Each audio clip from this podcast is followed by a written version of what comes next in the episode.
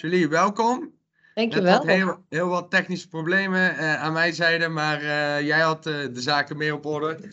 Deze ronde. Dus bedankt voor de tip om het scherm op en neer en omhoog omlaag te doen. Het hielp heel erg goed. Het is gewoon de vrouwenlogica is soms gewoon het beste wat je kunt toepassen. zo zie je maar weer. Ja, voor de, voor de luisteraar en de kijker eventueel. kan zelfs tegenwoordig ook. We zijn ook op YouTube te vinden. Uh, ja, ik hoor graag van waarom ik hier met jou zit. Ik, uh, ik vond het heel interessant wat je doet, in ieder geval op social media en uh, de trainingen die je verzorgt omtrent hormonen. Mm. En we zitten hier natuurlijk zelf uh, vanuit Conscious met de reden van slaap. En slaap heeft heel veel te maken met hormonen. Maar ik ben gewoon wat meer benieuwd naar jouw achtergrond en hoe jij eigenlijk tot hormoonexpert bent beland. Ja, klopt. Alright.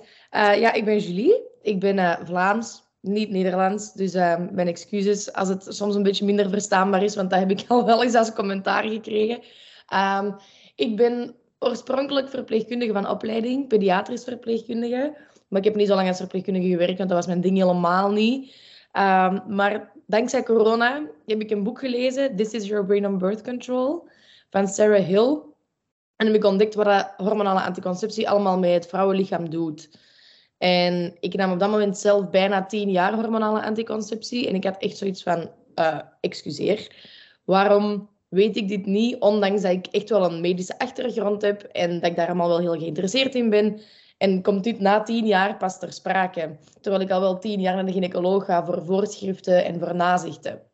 Um, dus ik werd daar een beetje boos van. Ik heb daar stappen voor ondernomen. Ik heb uh, de opleiding orthomoleculaire therapie gevolgd volgens KPNI. Um, dus ondertussen ben ik, ben ik ook bijgeschoold tot orthomoleculair therapeut. En dan ben ik een Instagram-pagina begonnen, hormao.be. En dan ben ik daar gewoon beginnen roepen. Hormonale anticonceptie is niet goed. Um, zorg ervoor dat je beter geïnformeerd wordt door je dokter of door eender welk platform. En uh, ja, mensen be zijn beginnen luisteren. En zo ben ik... Nice. En was hormoa.be ook een website? Ja, Hormao. AO. Oké. Okay. Okay. Ja. Um, dus dat is inderdaad op de website. Uh, en dan ben ik begonnen met eerst gewoon gratis educatie um, over hormonale anticonceptie, omdat dat wel gewoon hetgeen is wat dat mij zelf ook heeft gesparkt.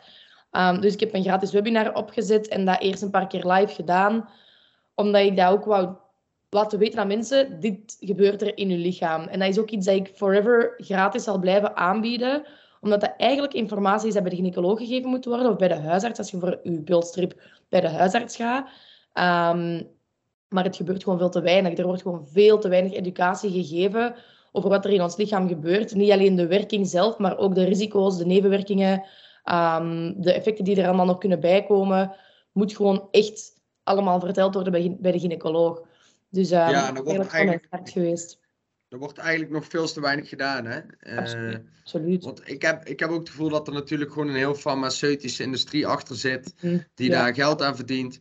En Daarbij willen ze ook de vrouwelijke vrouwen uh, meer mannelijk maken en de mannelijke mannen meer vrouwelijk. Ja. Uh, dus het systeem daarachter om meer gelijkheid te creëren en eigenlijk minder vrouwelijke vrouwen. Mm. Dat is natuurlijk ook weer een ander, uh, andere reden die ook van rol speelt. Maar goed, denk eens meteen, misschien Martin complotgekkie. Alleen dat is wel degelijk het geval, hè? want anticonceptie is eigenlijk gewoon het onderdrukken van je vrouwelijkheid. Misschien kun jij daar wat meer toelichting om, uh, om geven. Ja, klopt. Ja, en dat is eigenlijk iets dat ik achteraf pas heb beseft, want ik ben dan begonnen met de insteek van oké, ik wil dat mensen weten wat er van risico's en zo aan vasthangt en wat dat, dat met hun lichaam doet. En het is pas met er zelf eigenlijk een aantal maanden of zelfs jaren in te zitten, dat ik heb beseft, maar het is niet alleen de risico's. Het is niet alleen het risico op tromboses en op leverproblemen en op darmproblemen en op schildklierproblemen. Het is ook gewoon het volledige onderdrukken van het vrouw zijn. En dat is wat dan zo apart maakt. Allee, dat is, vrouwen en mannen zijn niet hetzelfde. En zo begin ik ook vaak mijn talks. En dat is iets heel gevaarlijk om te zeggen tegenwoordig. Van, ah, en gender, la la la. Ja. I don't shit about gender. Um, iedereen mag doen wat hij wilt. Maar fysiek gezien zijn vrouwen en mannen niet hetzelfde. En die vrouwelijke cyclus is daarmee een reden. En die reden is niet alleen zwangerschap. De hoofdreden is voortplanting en zwangerschap. Maar de hormonen die daar een rol in spelen, hebben zoveel meer functies. Dat zijn zo'n belangrijke boodschappers en um, katalysators in ons lichaam die gaan niet alleen maar voor voortplanting zorgen. En door die pil te gebruiken of eender welke andere vorm van hormonale anticonceptie, wordt dat gewoon allemaal platgelegd. En gaan er gewoon zoveel functies in ons lichaam verloren. En dat is hetgeen wat ik absoluut, ja, waar ik gewoon tegen ben. Dat is gewoon niet oké. Nee, en uh, ik vind het mooi dat je zegt van precies wat iedereen wil zijn, gender, is, mhm. is volledig aan die persoon zelf. Ben ik het 100% mee eens. Maar wanneer je mij wel gaat irriteren of raken of triggeren, is wanneer je gaat zeggen: man en vrouw zijn hetzelfde en moeten dezelfde dingen doen. Want hormonaal gezien, uh, lichamelijke processen, chemische processen in je lichaam, die constant plaatsvinden. En dat is niet alleen op hormoongebied, maar heel veel op hormonen, maar op, op, op alleen al fysieke krachten, alleen al, weet je wel, is het gewoon anders. En daarom zijn jullie ook beter in andere dingen uh, dan mannen. Mhm. En uh, ik vind, mij trigger je op het moment dat je gaat zeggen: nee, hoor, dat is niet waar. En we moeten hetzelfde medicatie en onderdrukken van, van, van dat soort dingen. Uh, dus ik denk een heel mooie introductie voor de luisteraar van deze podcast. Wie jij bent, wat jij doet en wat jou, ook jouw drive is. Mm En ik ben ook wel heel benieuwd van hoe ben jij, zeg maar, op een gegeven moment dan ook mensen gaan coachen? Is het gewoon in één keer een vrouw vroeg van, hey, kun je mij hier ook in helpen? Of dacht je van, hé, hey, na die masterclass, ik ga ook echt trainingen bouwen, want ik zie gewoon dat vrouwen er wat aan hebben. Wat, wat zie je daarin gebeuren? Ja, klopt. Ik, um, ik merkte dat heel veel vrouwen zoiets hadden van, oh shit, ik wist het zelf ook niet. En dan zowel de beslissing wilden maken van zelf te stoppen. Maar ik durf, het is geen wetenschappelijk cijfer, het is op basis van polls die ik zelf heb gedaan. Uh, maar van de mensen die mij op dat moment volgden, twee jaar geleden, en die op dat moment mijn webinar bekeken, was er meer dan 50% dat gestart was met de pil om iets anders dan zwangerschapspreventie. Dus dat was omdat ze een onregelmatige cyclus hadden, of om pijnlijke menstruaties, of heel vaak ook acne, um, of een combinatie van allemaal. Um, en dan hadden ze heel veel schrik van, ja, als ik dan stop met mijn pil, dan gaat dat gewoon terugkomen. En dat begrijp ik, want de kans is ook groot dat het gewoon terugkomt, want de pil werkt helemaal niet als medicatie, werkt dat gewoon als pleister. Dus dat is ja. geen oplossing. Dat is gewoon, ah, nu zien we het niet meer, dus het zal er wel niet zijn. Ja, dat is ook niet waar. Um, dus dan ben ik uh, begonnen met één op één begeleiding. Dus vanuit die orthomoleculaire therapie heb ik één op één coaching gedaan. Um, voor anderhalf jaar ongeveer. Maar er was zoveel vraag naar um, dat, dat, ik dat gewoon zelf niet meer kon bolwerken. Dus dan heb ik dat in programma's gestoken. En nu ben ik wel een beetje aan het zoeken hoe dat ik het terug iets meer persoonlijk kan aanpakken. Maar dat is wel zo wat de, de insteek van Hormao is helpen om vrouwen te stoppen met hormonale anticonceptie en hun hormonen zelf te balanceren en effectief de oorzaak van hormonale disbalans aan te pakken in plaats van er gewoon een pleister op te plakken zoals de pil. Wij, uh, onze quote letterlijk uh, van de slaapacademie is stop met pleisters plakken, start met oorzaak aanpakken. Ja. En uh, met medicatie in de slaapwereld is het natuurlijk precies hetzelfde. Hè? Oh, ik kom bij de dokter. ja, ik slaap niet zo goed. ik ben vermoeid. Ah, oh, nou heeft hij toch een pilletje. Hè? Hier, Temazepam, oxazepam. In plaats van dat er gekeken wordt naar uh, inderdaad cyclussen, hormonen, uh, biologische klok en überhaupt alle gedragspatronen. Ik vind dat zo erg en het is mijn persoonlijke missie om mensen daar bewust van te maken. Ja. Uh, en ze eigenlijk van die medicatie rommel achter te krijgen. Antidepressiva, slaapmedicatie, in zoveel gevallen onnodig. Als je mhm. gewoon naar de kern van het probleem gaat. Dus vandaag een deel hormonen. Ehm, wat ik vooral hierin belangrijk vind, is ook die koppeling te kunnen maken naar, naar slaap. En uh, wat jij eigenlijk van het belang van ehm, een goede hormoonbalans vindt. Of waarom die, is die zo belangrijk voor jou? En waarom zie je dat ook bij mensen? Dat die hormoonoptimalisatie zoveel voordelen en ook nadelen kan bieden wanneer je dat niet optimaliseert. Ja, ja. ja, ja hormonen, zijn, hormonen zijn gewoon de boodschappers van ons lichaam. Um, ik heb ook neurotransmitters, obviously, maar hormonen zijn boodschappers van ons lichaam. En die werken allemaal samen. Dus ik vergelijk die altijd met een symfonisch orkest. Dus je hebt de vrouwelijke geslachtshormonen, mannelijke geslachtshormonen kunnen we samenpakken als geslachtshormonen. Je hebt slaaphormonen, je hebt stresshormonen, je hebt schildklierhormonen, bloedsuikerhormonen. Um, dus elk systeem in ons lichaam heeft wel een aantal hormonen waar er gewerkt worden. En al die hormonen samen vormen eigenlijk een symfonisch orkest. Dus als er ergens één hormoon uit balans is, dan klinkt het niet meer in een mooie melodie. Dan ga je horen, uh, dat is, daar luister ik niet graag naar. Dat is die disbalans.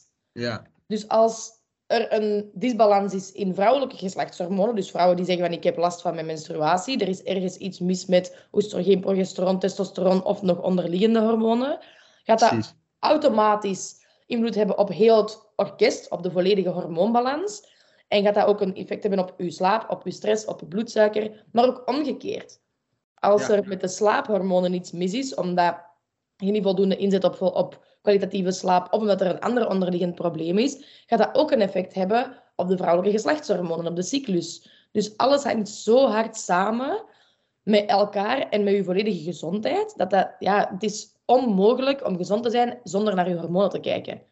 Ja, super interessant. Ik uh, predik dit al heel lang. Het enige wat ik dus op dit moment zeg maar nog meer binnen onze slaapacademie is echt een mhm. puur gedeelte module gefocust op hormonen. Dus wellicht is het interessant om jou een keer uit te nodigen als je het wel rustiger hebt uh, bij ons in, uh, in Eindhoven, Nederland.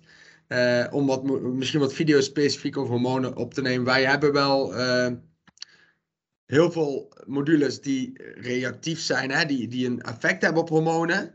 Maar ik denk dat het heel interessant is om, om echt een additie op deze podcast dat nog eraan toe te voegen. Want jij zegt al heel mooi, hormonen zijn op zichzelf belangrijk. Die hebben een effect op slaap, maar andersom dus ook slaap op hormonen. En hetzelfde geldt voor voeding op slaap, slaap op voeding. Beweging op slaap, slaap op beweging. Dus constant zie je dus dat slaap terugkomt op die hormoonbalans. Ja. Ehm, wat zijn dingen die jij zelf merkt bijvoorbeeld met het belang tussen slaap en hormonen? Wat verandert er? Welke hormonen uh, kun je invloed op oefenen en wat kun je positief beïnvloeden? Ja, hetgeen wat ik, want uh, natuurlijk, ik werk niet specifiek op slaap. Ik weet wel, slaap wordt gereguleerd door melatonine en cortisol. Dat zijn de twee ja. slaaphormonen. Um, maar dat zijn dingen waar dat ik eigenlijk zelf niet veel op werk. Dus ik werk voornamelijk op oestrogeen, progesteron, testosteron, ook insuline. Uh, maar zoals ik al zei, het is één orkest. Dus ik hoef niet specifiek op melatonine en cortisol te werken om er ook een invloed op te hebben. Want als er ergens een ander hormoon uit balans is, dan gaat dat ook wel een invloed hebben op die slaaphormonen. Dus ja, dus... puur op die, die vrouwelijke geslachtshormonen. En zo gaat de volledige balans ook wel weer mooi in evenwicht komen. Dat vind ik dus mooi gezegd van werk je aan het ene, gaat het andere ook mee. Kijk, mhm. als wij bijvoorbeeld aan slaap werken, gaat iemand uh, gewicht afvallen, bijvoorbeeld die overgewicht heeft. Dus dat is grappig, hè? Dus iemand valt af, terwijl die als doel heeft beter te slapen en wordt ook nog een mooier en fitter lichaam. Ja. Dus uh, dat vind ik altijd mooi. Dat is eigenlijk hetzelfde. Dat betekent dus ook dat op de achtergrond die hormoonbalans ook verbetert. Ja, klopt. Dus dat is het interessante, hè? dat dus alles gaat mee. Dus hoe werk jij op die hormonen? Ik werk ortomoleculair gezien, dus dat is voeding, um, stressmanagement, ook onder andere slaap. Natuurlijk, ik ben niet de slaapexpert, maar ik geef wel de basisadviezen mee. Zorg voor kwalitatieve slaap, um, zorg voor voldoende slaap. Dus ja, acht uur raad ik meestal wel aan. Zorg ervoor dat je in een koude, donkere kamer slaapt, wat ik zelf niet zo goed doe. Um, maar kijk, het is een proces. Um, zorg ervoor dat je s'avonds niet nog tv kijkt, te scrollen tot allee, mm. meestal een uur, twee uur voor het slapen gaan. Um, dat is de basisadviezen die zo aan worden meegegeven. Um, maar ik geef altijd 80-20 mee. Um, want het kan niet altijd perfect zijn. En dat geef ik zowel op vlak van voeding als op vlak van stress, slaap, supplementen, mm.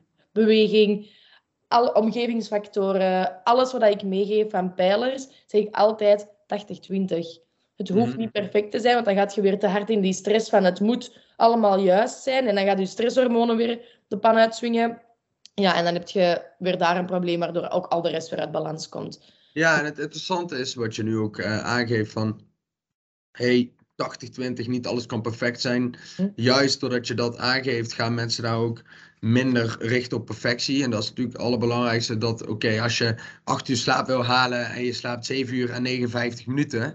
Dan, moet hm. dan, dan kan het ervoor zorgen dat je daar een stressrespons van... Oh, ik heb mijn 8 uur niet gehaald, dus dan is die slaapduur is minder relevant dan de totale slaapkwaliteit. Mhm. Hè? En uh, mensen zijn te gericht op die slaapduur en dat is vaak ook een probleem, uh, waardoor je juist stressrespons krijgt. Ik wil even een stapje terugnemen. Stel je bent, ik ben nou een, uh, of ja, ik, is misschien een raar voorbeeld in deze zin. Ik heb een klant en dat is een vrouw en die neemt anticonceptie en ik kom bij jou. Kun je misschien vanaf het begin vertellen wat voor soort vragen jij stelt, zodat de luisteraar ook kan bewust worden van, oh, hier moet ik mee bezig zijn? Of hey, hier heb ik nog nooit aan gedacht. Hoe, hoe, mhm. hoe, pak je dat aan? Ja, ik begin altijd met echt een heel brede intake. Ehm, dat is een gesprek van anderhalf uur, twee uur. Nu, ik moet wel zeggen, dat is van mijn één op één periode geleden dat ik dat heb gedaan. Um, ik ben nu een beetje aan het zoeken welke richting ik terug uit wil, maar dat is wel hoe dat de begeleidingen doorgaan starten. Mijn intake, waarbij dat ik echt alles ga, van levensstijl ga ondervragen. Dus ik vraag eerst een volledige geschiedenis. Um, hoe, um, wanneer is uw menstruatie gestart? Wanneer was uw eerste menstruatie? Hoe is uw anticonceptieverleden? Heb je bepaalde klachten gehad voor anticonceptie, tijdens anticonceptie? Bent je al een keertje gestopt, ja of nee? Dus echt een hele geschiedenis van de vrouw voor mij. En dan ga ik ook navragen, hoe is uw huidige levensstijl? Um, wat eet je? Hoeveel eet je? Wat drink je? Hoeveel drink je? Uh, neemt je supplementen? Hoe is uw slaap? Hoe is uw stress? Hoe is uw beweging? Welke producten gebruik je in de badkamer, in de keuken? Gebruik je veel plastic? Allee, echt de volledige... Wat voor producten kan ik dan aan denken? Make-up, make-up remover, uh, shampoo, dagcrème, whatever dat er op het lijf wordt gesmeerd. Ja, interessant. Maar ik wil heel graag weten, waarom vraag je daarna? Omdat er zoveel hormoonverstoorders in zitten. Vertel. Alles van uh, eigenlijk, eigenlijk volledig. Daarmee, ik heb mijn vijf pijlers, is voeding, beweging, slaap, stress, omgeving. En omgeving is een beetje vloe, uh, maar dat omvat eigenlijk alles wat we niet eten of drinken. Um, dus dat is alles wat we op ons lichaam smeren, alles wat we inademen, alles wat in contact komt met onze voeding. Um, al die dingen. Ja, de wereld is gewoon één grote hormoonverstoorder. Um, dus we moeten een beetje gaan zoeken welke producten dat we gebruiken uh, waar dat geen hormoonverstoorders in zitten. En er zijn zo weinig um, producten die we op ons lijf smeren. En ik denk aan ja, gewoon douchegel, shampoo, conditioner, dagcrème, tandpasta, deo, zonnecrème, um, whatever nog allemaal van spullen die we op ons lichaam smeren bevatten zoveel hormoonverstorende factoren. En dat kan gaan van parabenen tot sulfaten tot ftalaten. Dat zijn allemaal chemische stoffen. En ik vind het ook niet super belangrijk dat mensen weten wat, welke stoffen dat wat exact veroorzaken. Want daar zijn wel specialisten zoals ik en misschien ook jij voor. Um, Maar het is wel belangrijk dat mensen weten dat hetgene wat ze gebruiken op dagelijkse basis hun hormonen kan verstoren. En het is maar een heel klein beetje, maar als je alles optelt, dan is het wel heel veel. Dus daarmee dat ook die omgevingsfactoren een heel belangrijke uh, pijler zijn in mijn begeleidingen. En bedoel jij met verstoren? Bedoel je dan veranderen? Bedoel je dan blokkeren? Bedoel je dan uh, uit balans brengen? Wat is een beetje wat ik bedoel met... Zijn, er, zijn, er zijn stoffen die ervoor zorgen dat inderdaad die hormoonbalans gewoon eruit, uh, verstoord wordt. Dus door, uit homeostase, zeg maar. Uit homeostase, ja, uit evenwicht. Ja. Um, er zijn stoffen die in, in bijvoorbeeld, um, ik geloof dat laten of parabenen, uh, zijn stoffen die ervoor zorgen dat je oestrogenen ook worden nagedaan. Dus je gaat eigenlijk imitatie krijgen van bepaalde bio, bio-identieke hormonen, waardoor je um, ook daar disbalans creëert. Hetzelfde met bepaalde voedingsstoffen. Um, er zijn zoveel xeno-oestrogenen, heet dat dan. En dat zijn stoffen die lijken op oestrogeen, maar synthetisch gemaakt zijn, waardoor ons lichaam die ervaart als oestrogeen, waardoor die klikken op de oestrogene receptoren en ons eigen oestrogeen niet meer genoeg plaats heeft om zijn eigen functie te doen. En zo wordt er eigenlijk een complete disbalans veroorzaakt. Omdat niet alle van ons eigen oestrogeen uitgevoerd kunnen worden. Ik ga het even voor de luisteraar Jip en Janneke taal doen. Uh, wat bedoelt uh, Julie hier nou heel mooi te zeggen? Je neemt dus uh, xyto-oestrogenen. Zeg ik het goed? Xyto, hè? Xeno. Je hebt Xeno, sorry. Je hebt fyto, dat is voor mannen inderdaad. Is dat niet goed? Maar je hebt ook xeno-oestrogenen inderdaad uit voeding. Um, ook bijvoorbeeld die verstoorders die ze benoemt uit make-up en andere crèmpjes. Die kunnen dus een interactie hebben met de vrouwelijke hormonen. Dit geldt trouwens ook voor mannen, maar we hebben het even voor vrouwen. En op het moment dat die interactie plaatsvindt, dan nemen zij het plekje in, dus die xeno-oestrogenen nemen het plekje in op de ontvanger van het oestrogeen wat normaal wordt opgenomen. Maar wat gebeurt er dan? Het oestrogeen dat door de vrouw wordt aangemaakt, dat kan niet worden opgenomen door die ontvangers, want die zijn al bezet. Die hebben al die xeno-oestrogeen opgenomen. Dus wat gebeurt er dan? Dan komt er in één keer dus een vrije uh, omloop van oestrogenen die blijven rondzweven. En dan ontstaat er dus een disbalans in je bloed, in je hele zenuwstelsel en noem maar op. En dat is dus wat jij heel erg wil tackelen, denk ik hier. Mm Ja, klopt. Dus dat daarmee dat ik ook, ook dan navraag. Welke producten gebruik je op dagelijkse basis? In, kookt je in pannen met een um, megasynthetische anti-aanbaklaag. Warmt je je voeding op in plastieke potjes of in glazen potjes? Of bewaart je in plastic of in glas? Um, wat koopt je in de winkel? Let je op plastic of ga je eerder ook voor glas of voor hout of voor zelfs nog beter metaal dan plastic? Maakt dan niet uit. Maar dat zijn allemaal dingen, super gedetailleerd, die ik ga navragen om een beeld te krijgen waar dat die persoon aan moet werken. En op basis daarvan dan gaan we beginnen met de eerste implementaties van oké, we beginnen misschien met voeding, misschien beginnen we met slaap, misschien beginnen we met, met die omgevingsfactoren. Afhankelijk van wat het meest prominent aanwezig is van hormoonverstorende levensstijlfactor, ga ik, ga ik daar eerst mee aan de slag en dan gaan we op die manier eigenlijk het lichaam voorbereiden op het stoppen met hormonale anticonceptie. Meestal raad ik aan om voor te bereiden. Soms is dat ja, te laat en is de vrouw al gestopt en is het gewoon oplossen. Ehm, mhm. Maar ik raad meestal aan om voor te bereiden en een aantal maanden eigenlijk dat lichaam nog aan de anticonceptie te laten, maar wel allerlei levensstijlfactoren te gaan aanpassen, zodat het lichaam optimaal ondersteund wordt en dat het stoppen dan eigenlijk minder abrupt is. Omdat het lichaam al mhm. meer uh, draagvlak heeft. Mm. Ja, ik snap heel goed. Hè. Je kunt niet alles tegelijk veranderen, want dan verander je te veel van niets. Ja. Vaak, hè, omdat je uiteindelijk dan geen focus hebt. Dus heel goed dat je een van die pilaren, denk ik, aanpakt. Dat raden wij uh, binnen Conscious ook altijd aan. Kies één factor, ga die optimaliseren, ga dan voor naar de volgende. Uh, want anders worden mensen helemaal uh, overweldigd, zeg maar. Ja, dat, en het lichaam heeft ook gewoon tijd nodig om die, allee, om die, die aanpassingen te gaan implementeren in, intern. Het is niet dat op, van dag 1 op dag 2 dat suikerproblemen zijn opgelost.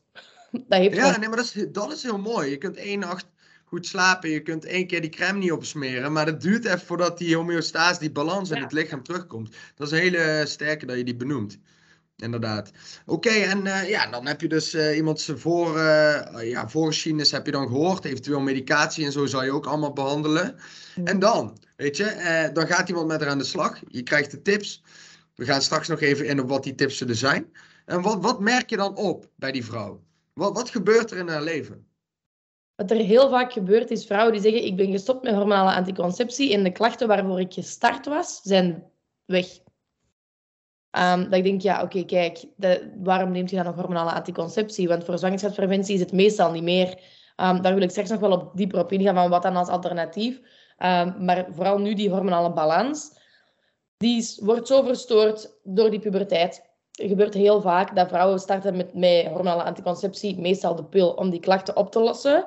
Denken dan dat dat een oplossing is, maar hebben schrik om terug te stoppen, want ja, dan gaat hun oplossing wegvallen, hebben ze terug die klachten. Maar doordat ze net die voorbereiding doen en gaan werken op voeding, beweging, slaap, stress, omgeving, gaan ze stoppen en merken van eigenlijk heb ik geen last meer. En wat ik ook merk, en dat is misschien een beetje tegen mijn eigen winkel, zelfs zonder voorbereiding is er een heel groot deel vrouwen die stopt en zegt mijn klachten zijn weg. Waaruit het dan blijkt dat hormonale anticonceptie de klachten misschien net in stand houdt. Of misschien het verergert. Want als er één hormoonverstoorder is die wel echt benoemd moet worden, dan is het wel gewoon hormonale anticonceptie. Want wat doet hormonale anticonceptie? Die zet de communicatie tussen uw hersenen en uw eierstokken uit waardoor je zelf geen hormonen meer aanmaakt. Er is geen grotere hormoonverstoorder dan dat. Wauw. Ja.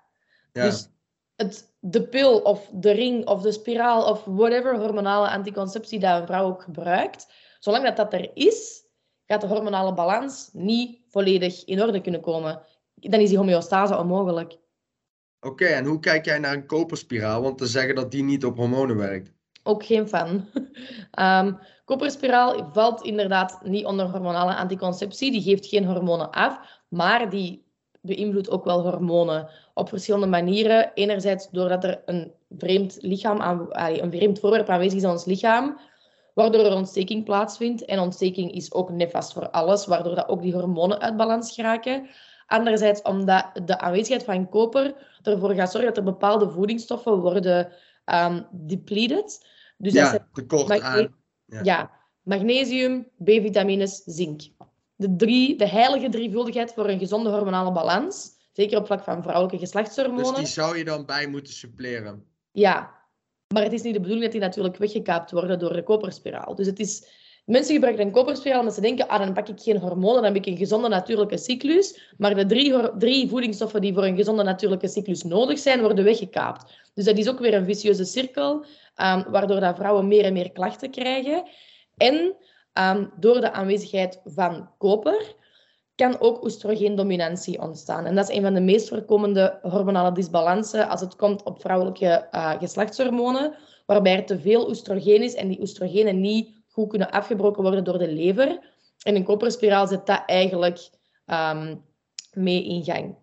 Waardoor menstruaties veel pijnlijker, veel heviger zijn, meer krampen, meer kans op migraine. Um, al, ja, zo de typische klachten, pijnlijke borsten, PMS-klachten, um, worden veel, veel, veel groter aan een koperspiraal, omdat de aanwezigheid van koper oestrogeen dominantie in de hand werkt. Dus mm, het werkt niet hormonaal, maar het heeft wel een grote invloed op de hormonen. Super interessant, uh, denk ik. En uh, wat ik niet kan begrijpen, uh, want ik heb nu zoiets van, er moet veel meer bewustzijn worden gecreëerd hierom. Ik ben hier zelf ook al mee bezig. mijn vriendin Kirsten is hier ook mee bezig. Om wat meer awareness te creëren onder die anticonceptie. Maar wat ik niet snap, jij bent nog geen endocrinoloog, hè? Uh, nog niet, maar je weet er best veel over. Hoe kan het zijn dat er zoveel endocrinologen zijn die dit waarschijnlijk ergens wel weten? Die hebben waarschijnlijk ergens het verstand wel, maar dan nog hun mondje dicht houden. Geld? ja, maar eh, ergens ethisch gezien, weet je, je werkt in het ziekenhuis, er komen vrouwen met klachten, je bent endocrinoloog, dan zeg je toch gooi die anticonceptie eruit. Ik snap het niet. Ja, ik snap het ook niet. Ik heb me daar ook al boos in gemaakt. Um, maar ja, dan gaan we misschien terug een beetje naar het conspiracy gedeelte. Maar ja, het is gewoon zo duidelijk. En het valt ook gewoon op te zoeken. Maar ik wil ook niet alle artsen over één kam scheren. Maar artsen worden wel betaald voor het voorschrijven van medicatie. Dus zij hebben er alle baat bij om medicatie te blijven voorschrijven. En van op nog een dieper niveau, de opleiding geneeskunde. Dat gaat in België en in Nederland en in waarschijnlijk redelijk Europa en zelfs wereldwijd heel gelijklopend zijn er schort gewoon iets aan. Het is, er is een tekort aan oorzaken oplossen. Het is symptoombestrijding tot en met. Maar we pakken pilletjes op pilletjes op pilletjes op pilletjes om symptomen op te lossen. Losse symptomen. Maar het, het geheel, dat is zoals je zelf ook zei. Um, wij, lossen sla Allee, wij, wij gaan mensen begeleiden met slaapproblemen en ze vallen af. Maar mensen die denken, ik ga naar een slaapdokter voor mijn slaapprobleem en ik ga naar een eventueel endocrinoloog of een diëtist voor mijn, voor mijn gewicht. Maar er is... Zo werkt het niet. is één geheel. Ik begrijp dat er specialisaties nodig zijn, maar er is zoveel meer communicatie nodig tussen verschillende specialisaties. En ik denk, ik denk dat er eigenlijk in elke begeleiding van een patiënt op eender welk vlak, of het nu over slaaphormonen of iets compleet anders gaat, een um, algemeen specialist moet, alleen een algemeen arts of therapeut moet zijn om to connect the dots. Want die zijn altijd te connecten. Eens. Ja, en uh, de bruggetjes kunnen maken is denk ik waar de grootste uitdaging ligt. Of in ieder geval waarin wij ook willen stimuleren en uitnodigen in die artsen van hey, ga nou eens met bepaalde expertises uh, van andere mensen en dus van andere artsen of van, van überhaupt andere, het hoeven niet alleen artsen te zijn, weet je wel. Mm. Wat ik ook niet begrijp is, er wordt wel fysiotherapie vergoed bijvoorbeeld. Maar zo iemand als jij die op de hormoonbalans ingaat en de waarheid vertelt, dat wordt, dat wordt bijna genoeg niet, niet vergoed door de verzekering. Ja, het wordt niet eens erkend. Dus ik vind dat uh, wel heftig van pilletjes op pilletjes. En uh, dat jij inderdaad al vertelt van, hey, los het ene op en het ander gaat mee. Ja, ja kijk, er, uh, ik denk dat daar een heel groot financieel plaatje aan vasthangt, want er valt geen geld te verdienen aan problemen effectief oplossen.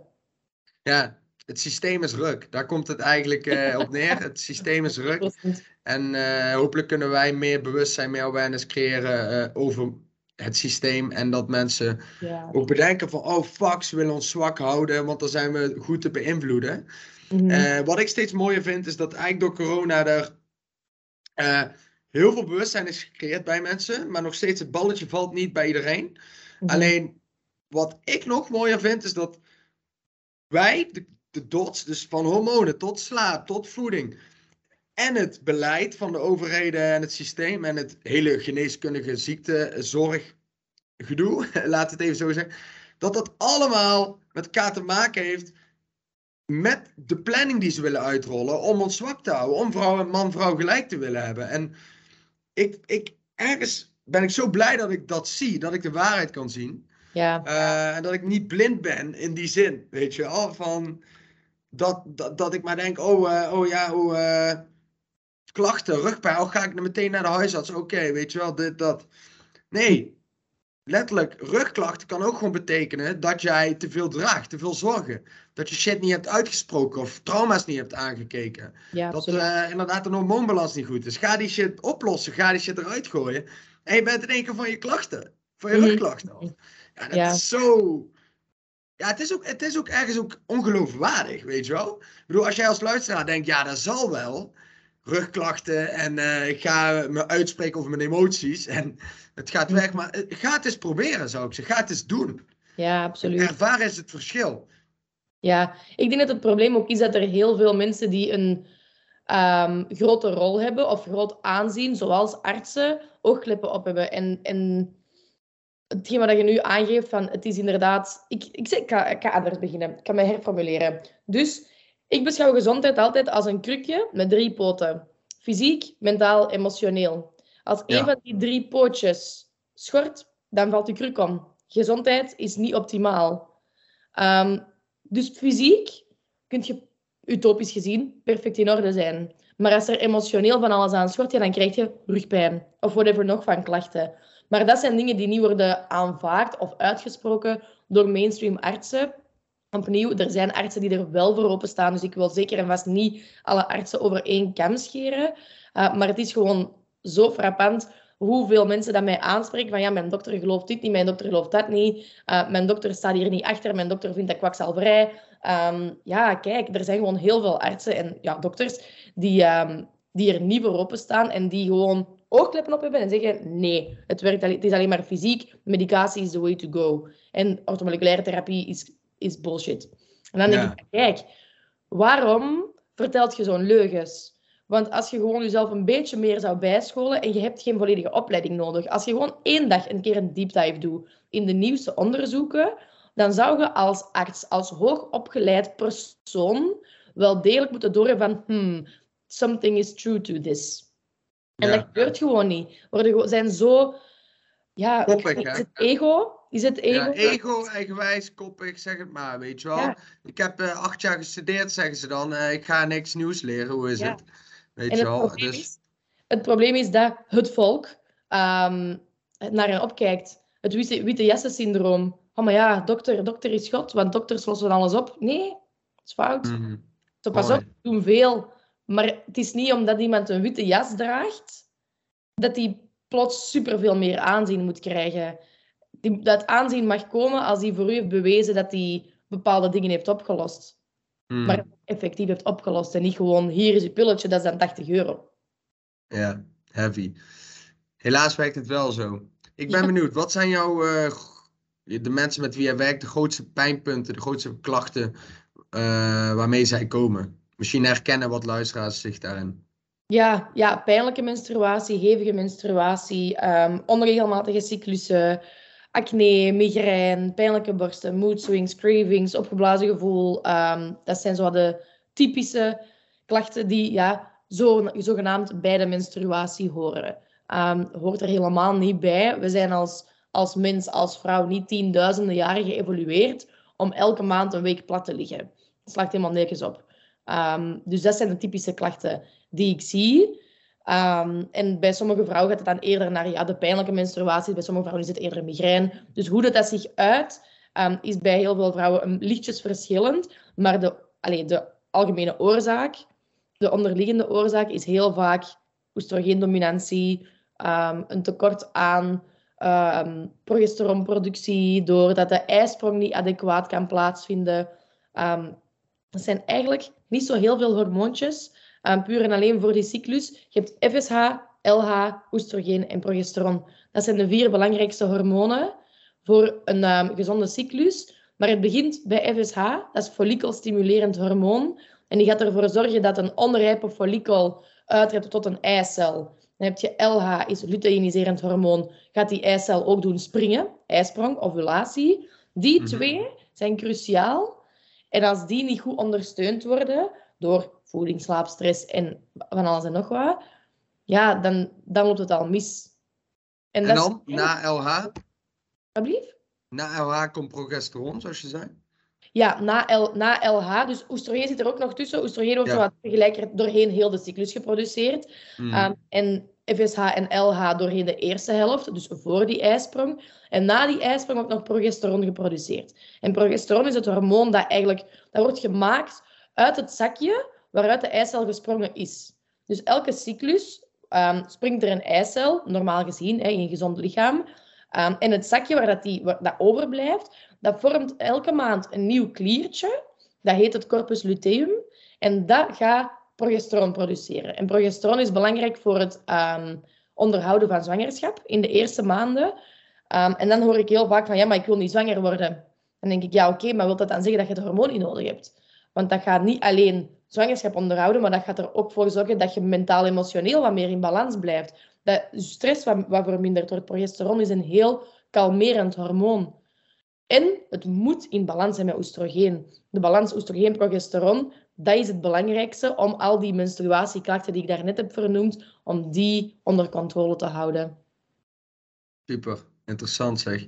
Ehm, ik denk dat jij hier zo lang nog over door kan praten. En ik kan ook zo lang nog over door luisteren, want ik vind de hormoonbalans super interessant. Ik heb me altijd wel verdiept in de mannelijke eh, ja, achtergrond, zeg maar, in die hormoonbalans. Vrouwelijk ook wel, maar de mate waarin jij dit nu kan vertellen vind ik super interessant. Ik hoop dat de luisteraar het ook goed begrijpt. Eh, eigenlijk komt het er gewoon op neer. Ovulatie moet plaatsvinden op een gezonde manier. Ja, eh, door middel van FSH en LH. En uiteindelijk, als dat goed, door middel van een goed geleide oestrogeen gedurende heel de maand plaats kan vinden, dan wordt er progesteron aangemaakt, die uiteindelijk weer leidt tot een relaxed gevoel. En dat Ja. je ontspannen eh, kunt zijn, doordat het ook in een goede balans is met oestrogeen. ja. Eh, ja, mooi Eigenlijk, gezegd. eigenlijk is de ovulatie het centrale punt. En ik had, ik had een keer een quote gelezen ehm, van een Amerikaanse schrijfster, ik weet al niet meer de welke, dat de naam menstruatiecyclus eigenlijk beetje redundant is en dat het beter ovulatiecyclus is. Ja, Omdat de cyclus draait rond die ovulatie. En Ja, zonder niet andersom. ovulatie heb je ook geen menstruatie. Je kunt een bloeding hebben. Maar als je geen ovulatie hebt, is het geen menstruatie. Dan is het gewoon een doorbraakbloeding. Dus dat zijn ook nog allemaal dingen. Dat hangt zo hard samen, maar die ovulatie wordt als compleet overbodig beschouwd zolang je niet zwanger wilt worden. Maar als je niet zwanger wilt worden en je denkt, ah, pff, problemen voor later. En je- het is later en je beslist, oké, die kinderwens is aanwezig, ik wil aan kinderen beginnen. Ja, dan komt je wel voor een probleem te staan als je de voorbije jaren niet voor je ovulatie hebt gezorgd. En dat is waarom Wauw. er nu zoveel vrouwen van 25 tot 35 in fertiliteitsklinieken zitten. Die zogenaamd onvruchtbaar zijn. Of verminderd vruchtbaar. Dat is bullshit.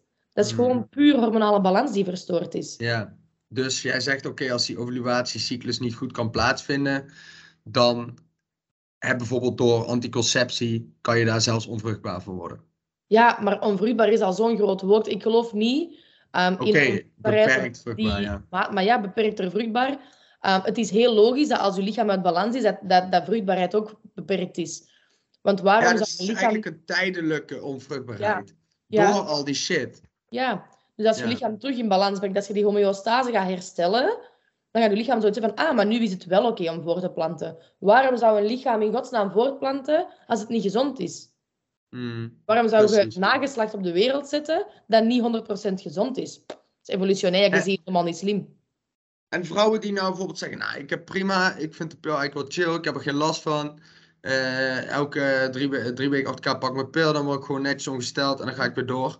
Eh, denk je dat die gewoon onbewust zijn van hoe zij onderdrukt worden in hun vrouwelijkheid en in hun emotie en weet ik het allemaal? Of zeg je van nee, het kan best prima zijn? Mm, ik denk dat er... Want ik heb zelf ook nog heel veel vrouwen in mijn omgeving die zoiets hebben van... Ja, oké, allemaal, ik snap het allemaal wel, Julie, maar ehm, ik vind het toch wel handig en ik wil het toch wel blijven gebruiken. En dan denk ik, oké, maar dat is gewoon een je m'en foutisme en het uit gemakzucht van... Het is gewoon heel praktisch en ik wil niet moeten denken en menstrueren is vies en vervelend en bla bla bla. En dat is inderdaad een disconnectie met die vrouwelijkheid. En dat is, dat is deels de maatschappij die continu in die drive van we moeten blijven doorgaan en die 24 op 7 um, prestatiedrang en die 24 klok. En ja, rust is niet mogelijk. Menstruatie staat, allez, staat gelijk aan toch wel een beetje meer rust dan normaal. En dat, dat, dat past niet in, in de mindset van de maatschappij. En er zijn zoveel mensen die echt gewoon daarin zitten en mm. zichzelf continu aan verdoven. En ja, anticonceptie hoort daarbij. Dat is, dat is het, het type mensen dat van maandag tot vrijdag werkt met tegenzin. En dan van vrijdag, vrijdagavond, zaterdagavond en misschien zondag ook nog bij de brunch superveel drinkt en feest en zichzelf compleet verdooft. En alle, alle uitspattingen van een week eruit laat. Om dan zondagavond depressief te zijn, want ik moet morgen terug werken. Om dan opnieuw vijf dagen depressief op het werk te zitten. Dat soort verdoving, dat, ik vind dat de pil daar eigenlijk gewoon een beetje bij hoort. Oké. Nou, het is dus eigenlijk een vorm van verdoving, inderdaad. Mooi dat je het zo omschrijft. Uh, ja, kijk, aan de ene kant, ik snap het ook. Hè. Uh, in de zin van, stel je voor dat iedereen van de anticonceptie afging en er werden constant baby's gemaakt bij mensen die gewoon nog niet klaar daarvoor zijn en die op überhaupt op dit moment geen baby zouden moeten krijgen. Zeg je nou van, oké, die moeten gewoon wat bewuster zijn, die moeten een condoom gebruiken of wat raad je aan? Ja, condoom sowieso is, is heel handig, maar het moet niet altijd. En dat is iets wat, wat dat ook... Er zijn artsen die het letterlijk zo zeggen, um, maar het is dus niet... Je kunt niet elke dag zwanger worden van je cyclus. Onmogelijk. Laten we even uitgaan van een cyclus van 28 dagen. Dat is zo het tekstboek standaard uh, cyclus. Dat mhm. hoeft niet zo. Een cyclus is normaal als die 25 dagen duurt, als die 35 dagen duurt en alles daartussen. Maar laten we even uitgaan van een cyclus van 28 dagen. De ijsprong valt in deze cyclus op dag 14. Kan ook variëren, maar voor het voorbeeld op dag 14. Dan ben je dus vruchtbaar op het moment dat die ijsprong aanwezig is. En die eicel leeft 24 uur. Nu, je kunt moeilijk zeggen, dan exact valt de ijsprong, tenzij je het heel duidelijk voelt. Maar ik zelf voel mijn ijsprong ook niet effectief in mijn buik. Dus 24 uur, reken 24 tot 48 uur. Heb je je vruchtbare periode als vrouw. Maar als man bent je continu vruchtbaar. En u, het vrouwelijk lichaam heeft een periode van een 4 à 5 dagen waarin zaadcellen gevoed worden om de aankomende ijsprong eigenlijk alsnog te kunnen gebruiken. Dat wil zeggen, een vrouw is vruchtbaar op de dag van de ijsprong en een paar uur nadien, maar ook vier à vijf dagen voordien. Want dan gaat het vrouwelijk lichaam ervoor zorgen dat zaadcellen gevoed worden en eigenlijk vrijgelaten worden op het moment dat de ijsprong plaatsvindt. Opgeteld is dat een kleine week, zes, zeven dagen. Zes, zeven dagen van de 28. Dus dat is één kwart van de cyclus dat een vrouw vruchtbaar is. Mm That's it. Oké, en uh, kun je dat dan echt goed trekken? Doe jij dat bijvoorbeeld zelf goed bijhouden? Is het ook echt betrouwbaar? Want je hebt van die apps tegenwoordig en ik hoor wel eens dat er nog wel eens iets fout gaat uh, met dat soort apps. Dus ik ben heel benieuwd van, hey, uh, moet je dat dan subjectief zelf doen of juist met zo'n app? Mm, ik ben geen fan van apps, omdat het, er zit een algoritme achter. En geen enkel algoritme is hetzelfde als uw lichaam en uw kennis van uw lichaam. Dus wat ik heel belangrijk vind, is dat, het zelf, dat je het zelf aanleert. En ik leer het aan in de vorm van de Fertility Awareness methode. Dat is een overkoepelende naam. Um, je hebt verschillende onder, allez, onderverdelingen. Maar degene die ik aanleer is de symptothermale methode. En dat is een methode die gebruik maakt van temperatuur en slijmverlies. En er zijn nog een aantal andere dingen die er ook bij komen. Maar die twee zijn cruciaal om de Fertility Awareness methode betrouwbaar toe te passen. Dat is ook de methode die in die apps is geïntegreerd. Maar als je het zelf niet kunt, moet je ook niet vertrouwen op een app. Want die app gaat nooit, nooit, nooit de kennis hebben die je zelf hebt van je lichaam. Dat is puur een algoritme. En oké, je kunt al zeggen, van, ik gebruik al twee jaar zo'n app. Ik gebruik al twee jaar zo'n app. Um, die app kent mijn lichaam ondertussen. Door twee jaar aan data is die heel hard ingesteld op mijn lichaam. Maar stel je maar eens voor um, dat in die cyclus de eerste cyclus van jaar drie um, sterft er iemand dicht bij u. Stress maal duizend. Ja. Ja, die app weet dat niet, hè? Nee. Dus altijd, altijd zelf leren wat je lichaam u vertelt en niet blindelings vertrouwen op een app. Kun je het gebruiken om te noteren? Goed, hè? Um, ik heb nu ook een app waar ik alles inzet, maar ik doe zelf mijn interpretaties. Dus ik controleer de app. In plaats van dat ik de app gewoon laat doen of dat de app mij controleert ik ben de persoon die beslist, ik kan nu zonder condoom seks hebben en ik weet dat ik niet zwanger kan worden, of ik heb een condoom nodig om zwangerschap te voorkomen. De app gaat mij dat niet vertellen. Mm, mooi. Ja, en uh, je zegt al, het app is fijn om te noteren. Uh, inderdaad. Ik denk dat, dat het ook gewoon een eigenschap is van een vrouw om meer te gaan voelen mm -hmm. en meer te luisteren naar het lichaam. Hè, dat zie je ook met slaap. Als vrouwen wat meer uit hun hoofd in hun lichaam gaan, minder rationaliseren, meer emoties gaan toelaten en lichamelijk uh, gaan voelen, dat zij veel meer lessen uit hun lichaam kunnen halen. En inderdaad, dat het veel makkelijker wordt, zoals jij ook vertelt, om die ovulatie te trekken. En om die bij te kunnen houden. In plaats van alles maar uitgaan van technologie, rationeel denken. En weet je wel, jij, jij voelt echt gewoon, wat vertelt mijn lichaam? Op dit moment, waar sta ik ongeveer? En ik heb inderdaad stress, want er is iemand overleden. Uh, Oké, dat heeft waarschijnlijk invloed hier en hier en hier op. En, en ik denk dat dat een hele mooie combinatie is van jouw kennis met uw gevoel. Met je gevoel. Met het, met het voelen en, het, en daarmee ook goede keuzes kunnen maken. Ja, wow. dat merk ik ook in mijn begeleiding. Want ik, die methode, de FAM, Fertility Awareness methode, leer ik ook aan in een traject waar dat mensen dus echt um, groepscalls hebben en alles aangeleerd wordt in groep. En meestal na de derde call ongeveer, dat is na een drietal maanden, soms na viertal maanden, beginnen mensen automatisch, zonder dat ik er naar vraag, te vertellen ik begin mij effectief anders te voelen doorheen mijn cyclus. Ik merk dat ik voor mijn ijsprong meer energie heb. Ik merk dat ik na mijn ijsprong wat meer een huismus word. En ik vind dat super fijn. En dat is leuk, want ik vraag daar niet achter. Maar mensen beginnen dan na een drie à vier maanden tracken, automatisch te, te voelen en te gaan implementeren in het dagelijks leven. En die fases en die flow meer te gaan toelaten. En dat gebeurt vanzelf. Daar moet ik eigenlijk niks voor doen. Ik, ik zeg niet van, laat dat toe. Ik, ik, ik leg uit dit en dit en dat. Ja. En zij merken zelf op, oh, die flow komt terug. Ja, toelating, hè? dat is echt uh, zo'n mooi iets. Want de natuur heeft zoveel moois te bieden als jij het gewoon toelaat mhm. en niet forceert. Want dat forceren is denk ik ook wat, wat uiteindelijk averechts werkt. Hè? Weer stressstimuli, slechter slapen, slechter eten. Dus meer, minder forceren, meer toelaten. Ik denk dat dat een heel mooi advies is. We zijn uh, ja, al 55 minuutjes bezig. We gaan zo denk ik afronden. Wat zijn uh, concrete tips? Of in ieder geval, als je er drie zou moeten noemen, voor de luisteraar om mee te nemen en direct mee aan de slag te gaan. Ja. Um, Omtrent vrouwenhormoonbalans. En überhaupt ja. hormoonbalans. Wellicht luistert, ook, luistert er ook een man, weet je wel. Dus, ja. Uh... Allereerste is stop met de pil. Of andere hormonale anticonceptie. Echt, gooi het eruit. Um, ik, heb een, ik heb het een tijdje moeilijk gehad met het zo bruut te zeggen, maar gooi het eruit. Echt, het is, het is alleen maar rommel. Um, en bereid je lichaam daar eventueel op voor. Uh, maar dat is de grootste hormoon. Dus dat is echt tip nummer één, geen hormonale anticonceptie.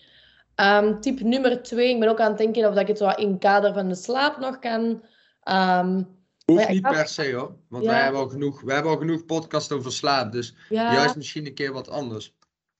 Ik ben aan het denken, ja, stress is ook een hele belangrijke. Um, dat is natuurlijk breed. Um, ik kan 300 kleine tips geven, maar als ik drie tips moet geven, dan ben ik liever iets breder. En dan zeg ik, pak stress aan. Op het niveau dat het heel duidelijk is van ah, mijn job is te stresserend, ga een keer kijken of je vier vijfde kunt werken, uh, zoek een andere job. Maar ook op lagere niveaus, op diepere niveaus. Hoe praat je tegen jezelf? Bent je iemand die s ochtends tegen zichzelf zegt van, amai, je ziet er niet uit. Hoe allez, doe maar wat make-up op, want het is, het is niet goed vandaag. Bent je iemand die als je een glas laat vallen, zegt, ah, dommerik. Hoe praat je tegen jezelf? Dat is ook stress voor je lichaam. En dat is alle, alle lagen van stress, die, die vind ik ook dat aangepakt moeten worden. Een brede tip, maar wel gewoon heel belangrijk. Want nu moet je van voeding nog alles prima doen. Als er te veel stress is, ja, dan maakt het niet uit wat je eet. En dan misschien nog een voedingstip. Zorg voor B, zink, magnesium. Die drie, heilige drievuldigheid voor vrouwelijke hormonen, voor de rest van de hormonen uiteraard ook, maar P, zink, magnesium. Echt het belangrijkste van voedingsstoffen. En als vrouwen een spiraal hebben, zeg je ook kappen? Eruit. Oké. Het goede aan de koperspiraal is dat ze wel de FAM kunnen aanleren terwijl ze nog de koperspiraal hebben en geen overbruggingsperiode hebben waarin ze fulltime met condooms moeten afgaan. Maar vanaf dat, die, vanaf dat ze hun cyclus zo goed kennen, zeg ik eruit. Supergoed. Ik, uh, ik ga zeker ook dit communiceren naar andere mensen vanuit jou. En als ze meer vragen, diepgang, zeg ik, ga we naar Julie. Ze gaat het je mooi vertellen. Waar kunnen mensen jou vinden? Op Instagram voornamelijk, hormao.be. En de website is www.hormao.be. Dus het is allemaal redelijk simpel. En daar vertel ik meer over ja, anticonceptie, begeleiden van hormonale dis disbalans, um, het aanleren van natuurlijke anticonceptie um, en het terug, ja, de connectie herstellen met je vrouwelijkheid.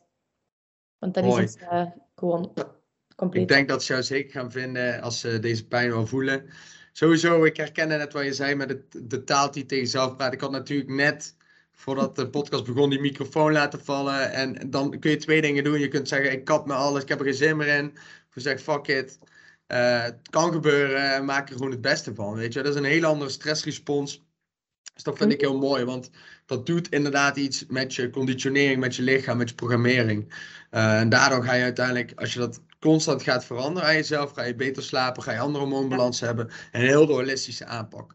Dus daar kunnen we heel mooi mee afronden. Uh, ik zie jou heel graag een keer in de toekomst in uh, Nederland bij ons in, uh, bij ons in de studio. Bijvoorbeeld eventuele meer toelichting op de hormoonbalans. Dat mensen ook echt met zichzelf aan de slag kunnen. Ik denk dat we heel veel informatie hebben gegeven. Dus bedankt voor jouw komst. En we keep in touch.